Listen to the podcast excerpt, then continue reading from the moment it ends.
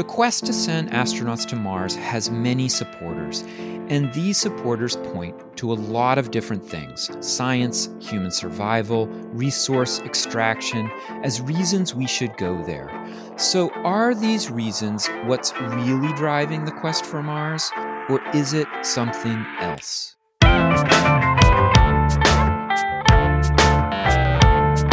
It's time to eat the dogs. I'm Michael Robinson.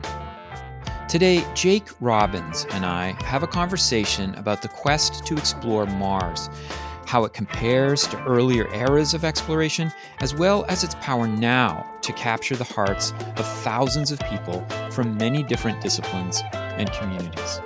Robbins is the host of We Martians, a podcast that considers exploration of the red planet from a variety of different angles. He interviews scientists, engineers, and policymakers about all of the issues surrounding Mars exploration. So if you like this podcast, please check out We Martians at wemartians.com or wherever you subscribe to podcasts. Jake Robbins, it's good talking with you. Hey, thanks for having me on, and uh, it's good talking to you. So thanks for coming on my show too. yeah, yeah. So I guess we're doing something a little different here. We should we should probably explain what what listeners are listening to here because this is maybe a little unorthodox for both of our shows. Yeah, it's going to start sounding like a mutual admiration society because I actually have been following your podcast for a while, We Martians, and uh, it's really great. But I'll let you do the introduction to that part. Yeah, I do a show about Mars, basically, the exploration of Mars. Sometimes it's robots, sometimes it's talking about people doing it one day. Uh, and I like to talk to scientists, um, I talk to communicators, I talk to engineers, all about sort of the different things that go into making all that possible. So, um, and just like you said, yeah, Mutual Admiration Society. I've been following Time to Eat the Dogs for a while. I think it was it, it was inevitable that I, that our, our the Venn diagram, as we've discussed, the Venn diagram of our shows, there's a there's a little spot in the middle that crosses over, and uh, I think we get to explore that today, which is pretty fun. Yeah, well, I'll have to say though that Jake, you clearly have the cooler logos than I do. I mean, you've got logos and amazing merch. I'm very envious of of the look of your podcast and uh, and also your great intro as well. Oh, well, I appreciate that. I've been thinking a lot about the really fundamental questions of exploration, especially when it comes to space and Mars. I think about why do we want to do this? It seems in a lot of conversations I have, there's this sort of fait accompli nature to the to the conversation. Like obviously we're going to go to Mars, and now we can just focus on how and when and who and all yeah, those kinds yeah. of things. But I, I I sometimes feel like the why is really lacking. And I thought that you would be an awesome person to have that conversation with because you have such a uh, a reservoir of knowledge of all the reasons we've done things in the past. And you talk to a lot of great people who uh, you know also play in that sandbox. So um, we've got the 50th anniversary of the apollo 11 historic moon launch and landing uh, coming up next week. Uh, so it's a perfect time to to talk about this i think because um, you know there's a lot of discussion about we we went to the moon and it was amazing and then we've floundered since then. We've never gone back anywhere in deep space. Yeah, I, I um, the why question is really interesting to me because I, so my kind of first big experience with um, history of exploration was in grad school, and I wrote um, my dissertation and eventually my first book on the history of American Arctic exploration. And in the 19th century, Americans were very concerned with that why question. Um, and they attached to it a variety of, of motives. Certainly, if you look at earlier explorers, let's say Columbus and the Portuguese and Spanish explorers in the 1400s, historians have identified this period of time as being motivated by the shorthand for it as God, gold, and glory. Um, the idea that uh, people are exploring to missionize uh, other peoples of the world, non Western peoples, and turn them into Christians to take new lands for the Christian kingdoms of Europe and just to exploit resources and people to uh, their maximum degree. So there, it's a it's a kind of a simplistic shorthand, but it it pretty much works, I think, um, for that er- early period. I, I, think that the the modern period that we're in now really begins in the 1800s, where people start exploring for the sake of exploration. You see voyages like Captain James Cook in the in the Pacific, which has a lot of different motivations. But on the surface, the motive is to really um, survey the world as well as to, in, in that specific case, to uh, examine the transit of Venus from Tahiti. And so that's this, this beginning in the 18th century of these expeditions that are going for the purpose of science itself. And I, I think there are, of course, other motives for why people went. I mean, these these uh, countries were very uh, interested in other things besides science, but I think in today's parlance, we would call these expeditions um, a form of soft power, where you have explorers enhancing the prestige of a country uh, in order to kind of show off that the capabilities of that country to the world. And so that fits to me. That fits really well into let's say the space race of the 50s and late 50s and 60s, where you have the United States and the Soviet Union duking it out, uh, not for really practical reasons, but for these prestige issues. So, I mean, if we think about some of those comparables, are there any that that really speak? So, I guess here I'll, I'll reframe the question. You mentioned Cook. Is that the closest we have to an analog to what a future human expedition into deep space is going to look like? Do you think that's the best we have, or is there something even maybe more recent or more um, uh, similar to to that the reasoning that would be necessary today? Yeah, that's a great question. I think often what you hear, and uh, I think you and I were talking a bit about the frontier thesis that Roger Launius was talking about um, mm-hmm. on what was that? Was that the planetary? That was the planetary podcast, right? Yeah, yeah. Casey Dreyer had him on the, uh, the the the policy edition, space policy edition of Planetary Radio. So, just a little plug for everybody out there on both sides of our listenership. Uh, Roger Launius has done a lot of work on um, an amazing amount of work on uh, the history of the space age. And that interview on uh, the Planetary Society podcast is really good. And he talks a lot about the, and the interview, Casey does a great job as well. So one of the things that, that Roger talked about was this idea of the, the West, right, as this analog to space. And certainly if you look at missions in the 60s, there was a lot of really overt ways of attaching space exploration to the conquest of the West. In fact, I think some of the mission patches for Gemini and others even had a a, uh, a wagon on yeah. it. And, you know.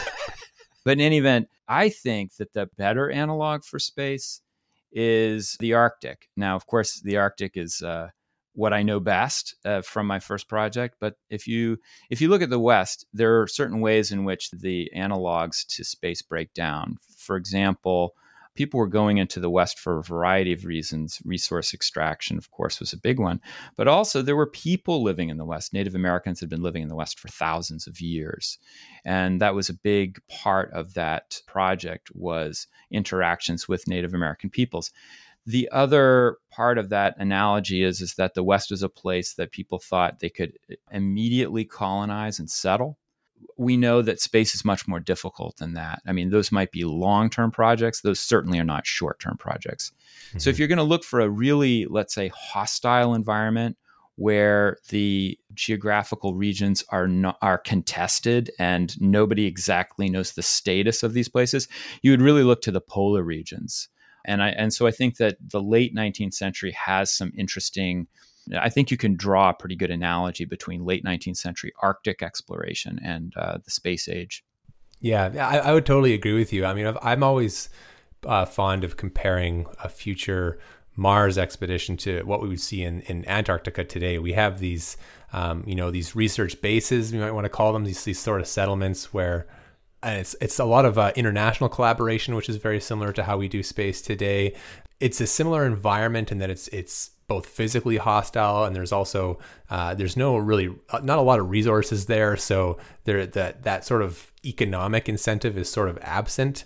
Um, which mm-hmm. uh, is not true when you think about exploring the new world from Europe and that kind of thing, right? So that's kind of how I was, I've always thought Antarctica was the best that that we had, and maybe that kind of leads me to the a question of like eh, if we look at the the the the dominant why of Antarctica. You know, why do we bother going there when there's there's no economic return?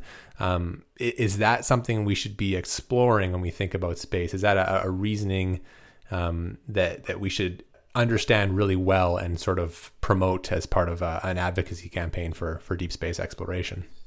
You're saying that because Antarctica is a place where we have such a presence and it's not primarily commercial, should we look at that as the most appropriate modern analog? Is that your yeah? I, I, I wonder. You know, you see a lot of exploration comparisons when you think about Mars. That the European conquest of North America is often compared. And he's like, well, you know, it's in our it's in our instincts to leave leave where we were and go to somewhere new. And but there's so much about that time period that is just not applicable to Mars. I mean, there is no new land to to grow a farm on there. There's no, you know, there's no mines of, of whatever gold or whatever you want to get out of there that we know of yet. And so um, it always falls kind of flat to me, and that's kind of where I always yeah look to Antarctica.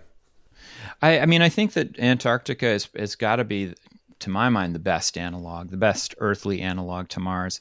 The problem I have with that analog is that it pales in comparison to the challenges of going to Mars. So you can be in Antarctica and it's really cold and you're really far away from, let's say, sources of food. You can bring a lot of that food with you because you don't have the same weight constraints you would have, for example, in going to Mars in Antarctica, you have some ozone problems, although they've gotten better over the last decade or so.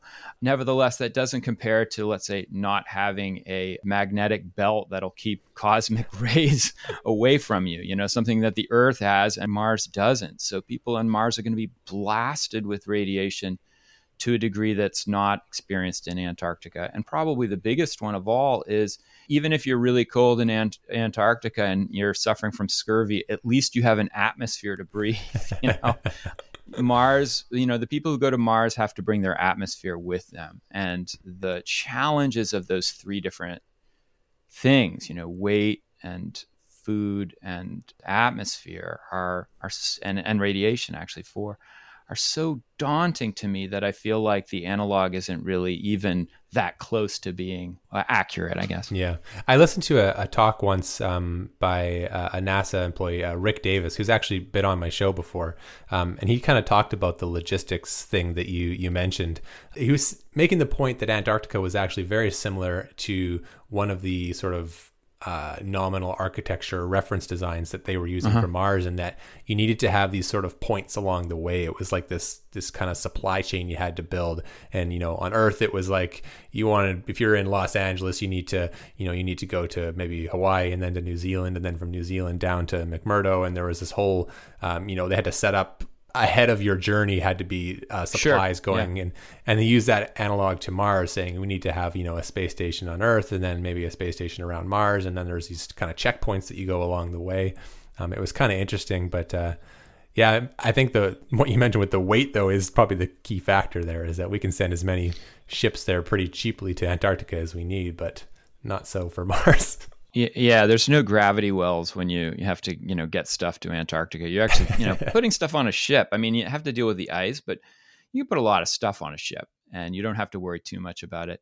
I was wondering, Jake, actually, you know, when we started talking about this podcast a couple months ago, uh, I found it really interesting that you you were taught you were really interested in the is- issue of motivation to go to Mars. It, it's something I think about a lot because I feel just personally speaking, this isn't something I've really talked about much on my podcast, but I'm I feel very much of two minds.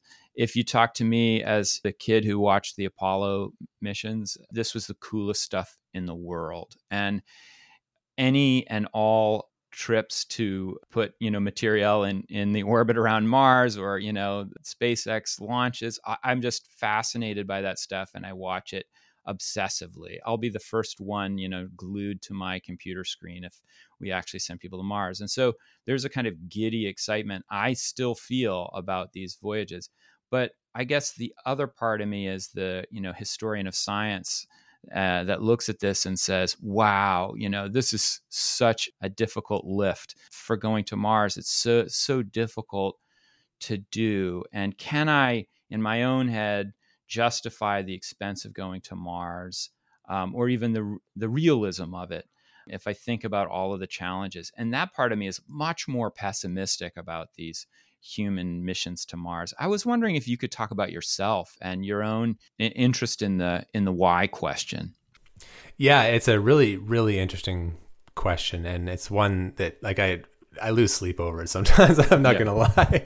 Um, I talk to a lot of people, and, and and it's almost like every time you ask someone why we should send people to Mars, you get a brand new answer, and and they rarely repeat, at least in the, not in the same combination. I mean, personally, it's almost irrelevant what my personal ones. I mean, I can I can talk about it, but it's almost irrelevant because I I don't have you know I'm not a decision maker in why we go, and this is sort of what I learned by sort of exploring this issue is that you find all these sort of pockets of reasons, and they're all kind of legitimate in their own small way, but they're not enough to justify the whole mission. Yeah. And so even though there's all these reasons that stick together and you can you can make a patchwork of like well this is enough of a you know a business case for lack of a better term but here's a, this is enough of a of a, a consensus to go but they never seem to you know be cohesive enough to land the whole thing and i think that's why we have not gone yet i think that's why every every attempt to to start a new space program that goes to mars has always ended in failure right I've I'm obviously very science uh, motivated. I, I love planetary science, so getting the chance to lift up some of these rocks and look what's underneath them with our hands is something that is very appealing to me. Yeah. Um, a lot of the the spin-off benefits, you know, technologically or or diplomatically or uh, anything like that, are, of course, are great. But uh, I don't think they drive me. You know, it's it's it's an interesting question and and one that yeah I, I think about a lot.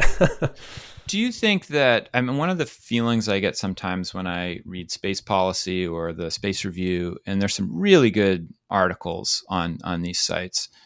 Uh, where people are talking about the kind of practical applications, you know, the prob- problem solving, I would say, uh, around going back to the moon or going to Mars in a lot of these forums, I see people saying, you know, there are commercial benefits. We just have to do X, or it's not going to be as expensive if we do Y, or if we go to Mars, there's going to be all kinds of technological spin offs that we're going to find that we don't know about yet, and they will easily justify our expense.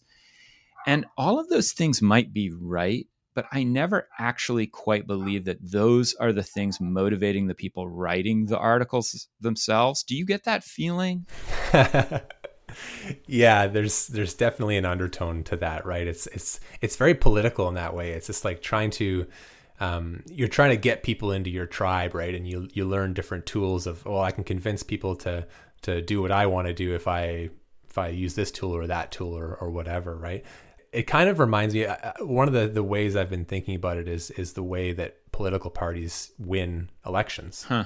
Um, so uh, if you think of oftentimes you have a candidate or you know a, a, core leadership group of a party that has they have what they want to accomplish right i want to go to the win, win office and do x y and z but they know that that that narrow kind of objective won't win 51% of their electorate and so you have to sort of start building this coalition right like i need i need to sort of do a little bit for these people and a little bit for these people and i can build this um, voting block that will get me into office mm-hmm. and i kind of see that as something that mars advocates need to be better at because when you see a failed election campaign often that's the issue is that they didn't reach out to enough people or maybe they did try you know like um, the the american democratic uh, uh, primary process right now is sort of a, sure, a good example yeah. of that where you have these different branches of the democratic party that are fighting to be on top but if at the end they don't come together and build some sort of consensus it's going to be trouble for them right yeah and that's kind of what i've always seen with mars is you have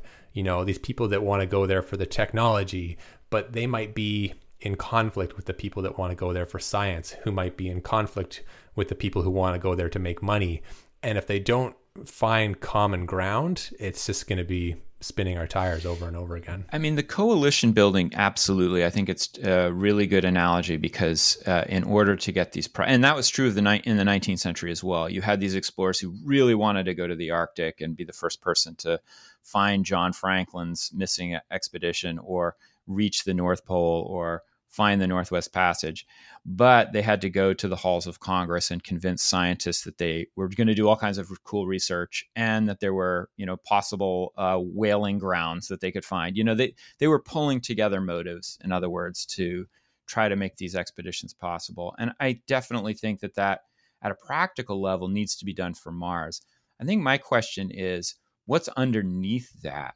Um, what do you think is the driver, or is is there more than one? I I know that uh, you've put together some different motives for people in the way they seem driven by the Mars quest.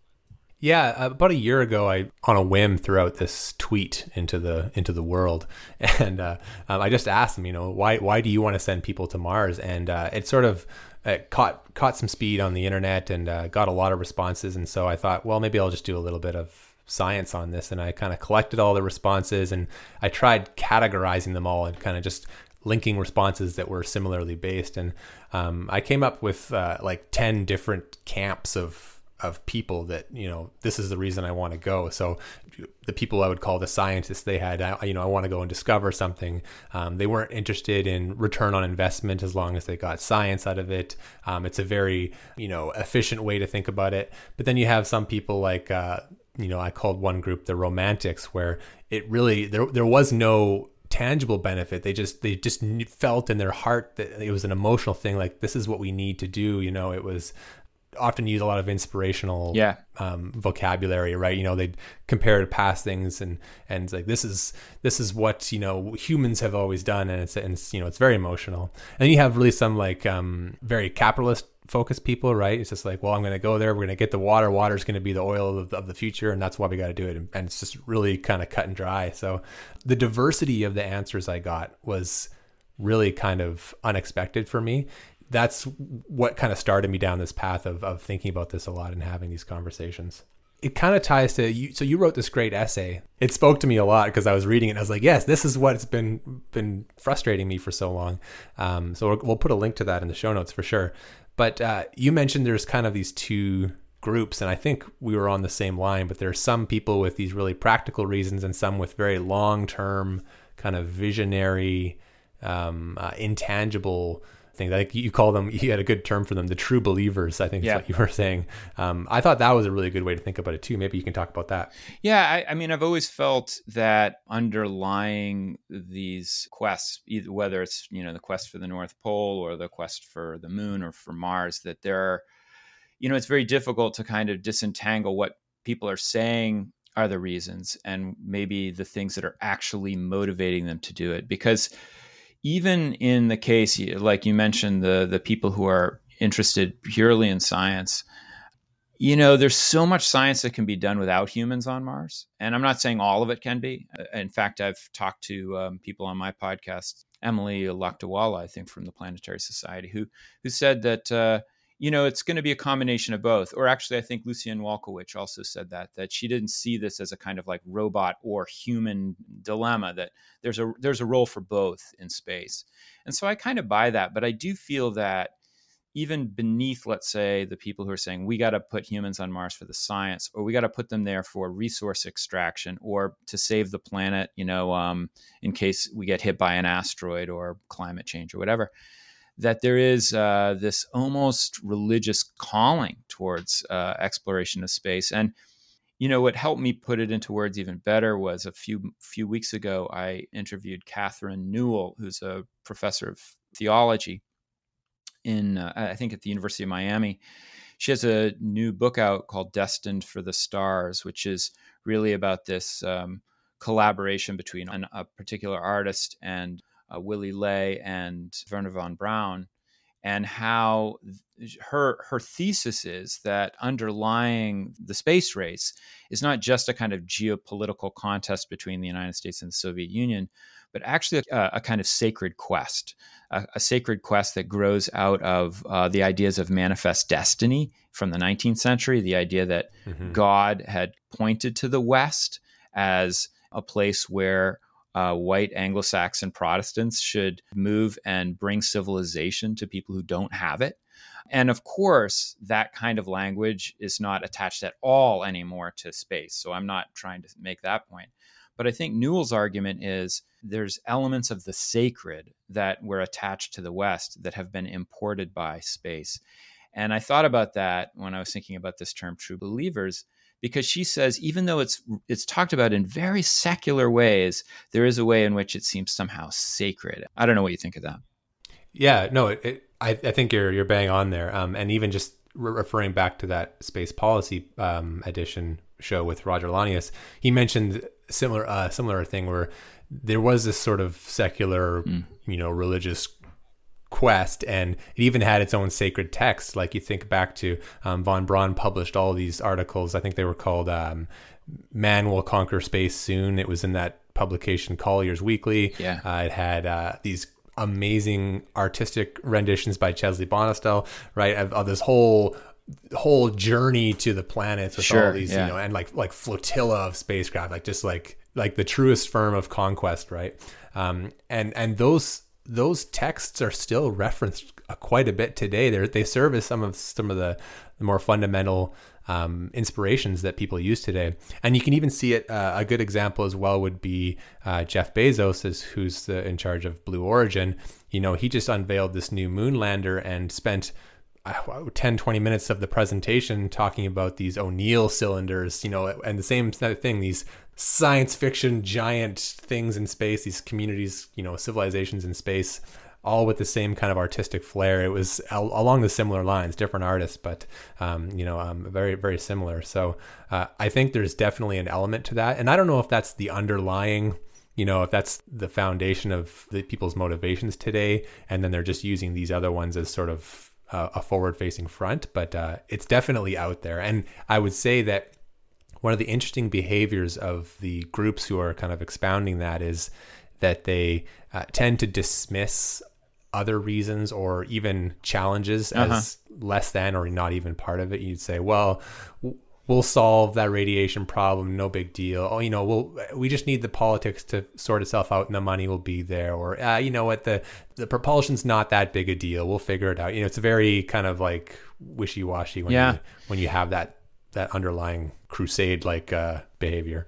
Do you see? I mean, you're kind of in a in a unique position, um, interviewing people for your podcast from a variety of different disciplines, all focused on Mars, but focused on it from all of these different you know positions.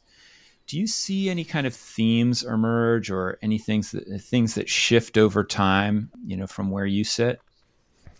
Yeah, um, I would say that there is probably a bit of a disconnect between um, the the practical applications of today. So like the the real things that people are doing in space today versus the the things that people think they're doing in space. So groups like NASA are experts at sort of exploiting that. You know, they have sort of a good example. You have these scientists who they have very very specific questions they're trying to solve they're like i have this mission it has this instrument it's going to measure this rock and it's going to tell me this piece of information and that's like they're they're laser focused in what they want to do and then as you kind of float through the communication chain from the deep into the science meetings out to the, the the management meetings at NASA out to the government and then into the the communication out to the public that message shifts and you see a lot of press releases about you know the curiosity rover is getting ready for people and it's not part of the mission actually in a sense. So yeah. um, that's that's the sort of thing that i see is that there are, there are certain groups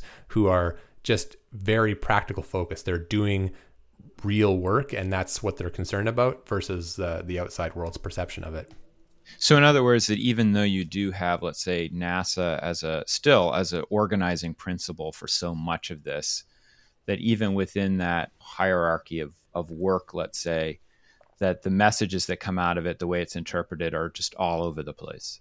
Yeah, and it's it's exactly for the reasons we've been talking about. I think. I mean, if you just talk about trying to understand the the chemical makeup of a of a mudstone in Gale Crater, it just doesn't excite enough people for them to say, "Why am I why am I buying NASA? Like, why am I paying yeah. for this?" Right. So you gotta that messaging has to be coalesced around bigger, broader, more fundamental emotional ideas. Yeah. Right?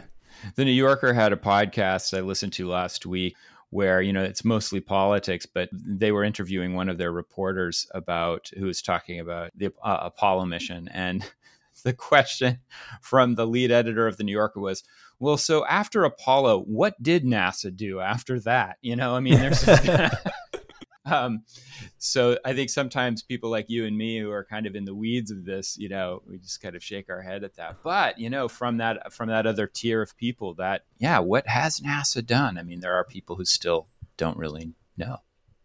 Yeah, I mean, NASA has this kind of communication problem that's dogged it for decades, and that it, it gets NASA gets conflated for NASA human spaceflight. Like, it, yeah, it's only right. a department within the whole agency, right?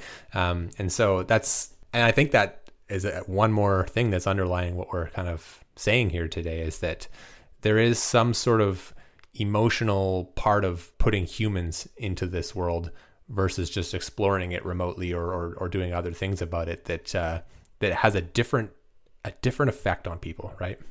Yeah, and you know, when I think about that, it makes me think if, even though NASA is a government civilian agency which had got, you know, in the 60s it got piles of money to do this this task that did have real, let's say, geopolitical payoffs to it it was still deeply beholden to the public. You know, it still had to justify itself to this massive public. And because it was such a spectacular success, I think that model has always, as you put it, has kind of dogged it for, for decades. How, how do we find a new model for doing this? And sometimes I think that maybe the new space companies like SpaceX, which do have such deep pockets and can do so much stuff privately, um, you know, maybe that is the way forward with this, where, you know, you have buy in. I mean, of course, let's say the biggest client for SpaceX and Blue Origin and all these companies is still the federal government. But these companies are uh, doing so much of the development themselves, and they have a vested interest in making these things work, and maybe even a path towards some kind of commercial, you know, viability. And so maybe that's the way it's it's got to roll because there actually is an analogy for that in the 19th century. I mean, there were big government expeditions to go to the Arctic. A couple of, en- of them ended really badly. There were a couple of big catastrophes in the 1880s. One was the uh, International Polar Year, where um, an expedition lost 18 of its men through, you know, kind of epic bungling by the, the government. And uh, by the turn of the century, most of the expeditions going to the Arctic were actually privately funded. So, you know, by newspapers, by wealthy patrons. And I'm not saying that that is a perfect model, but maybe we are seeing a kind of evolution towards that thing where you don't have to see all of this justification and all of these cross, you know, competing narratives among the public. These companies are going to do what they are going to do. Yeah. Yeah. And I go back and forth. Like I have good, good days and bad days where when I think about the, the shift from sort of public to private. Um, I, I get really excited about it because, you know, it's hard not to watch a SpaceX launch and just be like overwhelmed with just like this is the coolest thing I've ever seen. Yeah. And, um, SpaceX does a really great job of bringing new people into the space fandom, if you will. I mean, even uh, they even had a hand in, in, me, like just noticing what was happening, what they were working on, and getting more interested in reading more and more and more. Uh, you know, I've since grown into other parts of space as well, and, and, now I'm into planetary science and I'm into robotic exploration and all these things that SpaceX is not involved in. Um, but they do a great job of inboarding yeah. new new fans, if mm. for whatever benefit that might be. But you also have this kind of um, opposite effect where SpaceX has their own motivations. And, uh, you know, if I look at this graph of the 10, 10 people, 10 groups of people who are motivated for Mars and their different reasons, they've got, you know, two or three that they're zeroed in on. They're, they're kind of very big into this colonizing idea, sending, putting a new city on Mars and this whole survivor mentality of we have to go multiplanetary or it's the end of the world. And that's why they want to go, which is great. And, and they're bringing up fans in that kind of ethos. But they also have the same issue where they're presenting conflict with other groups. I mean, if you think about what SpaceX has been doing with their Starlink constellation, which is this idea of thousands and thousands of satellites in the sky to provide yeah. internet to the, the whole planet, but it could possibly, I don't really have real data yet, but it has a, a potential to have a serious negative effect on astronomy.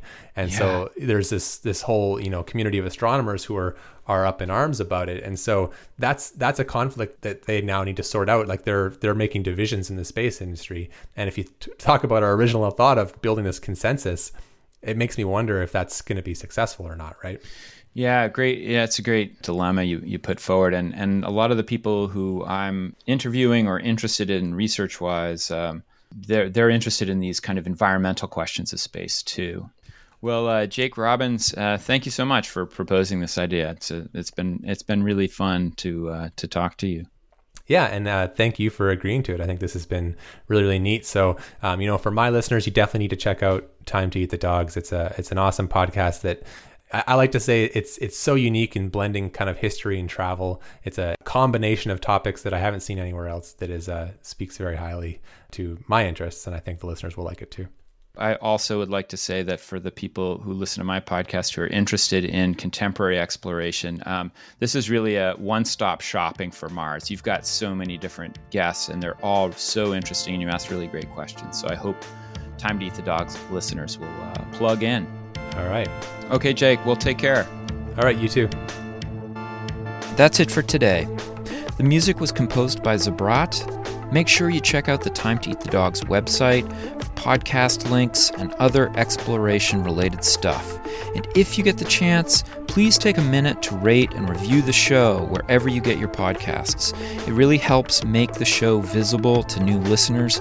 And if you want to recommend a guest or make a comment, feel free to contact me at time to eat the dogs, that's one word, lowercase, at gmail.com. See you next week.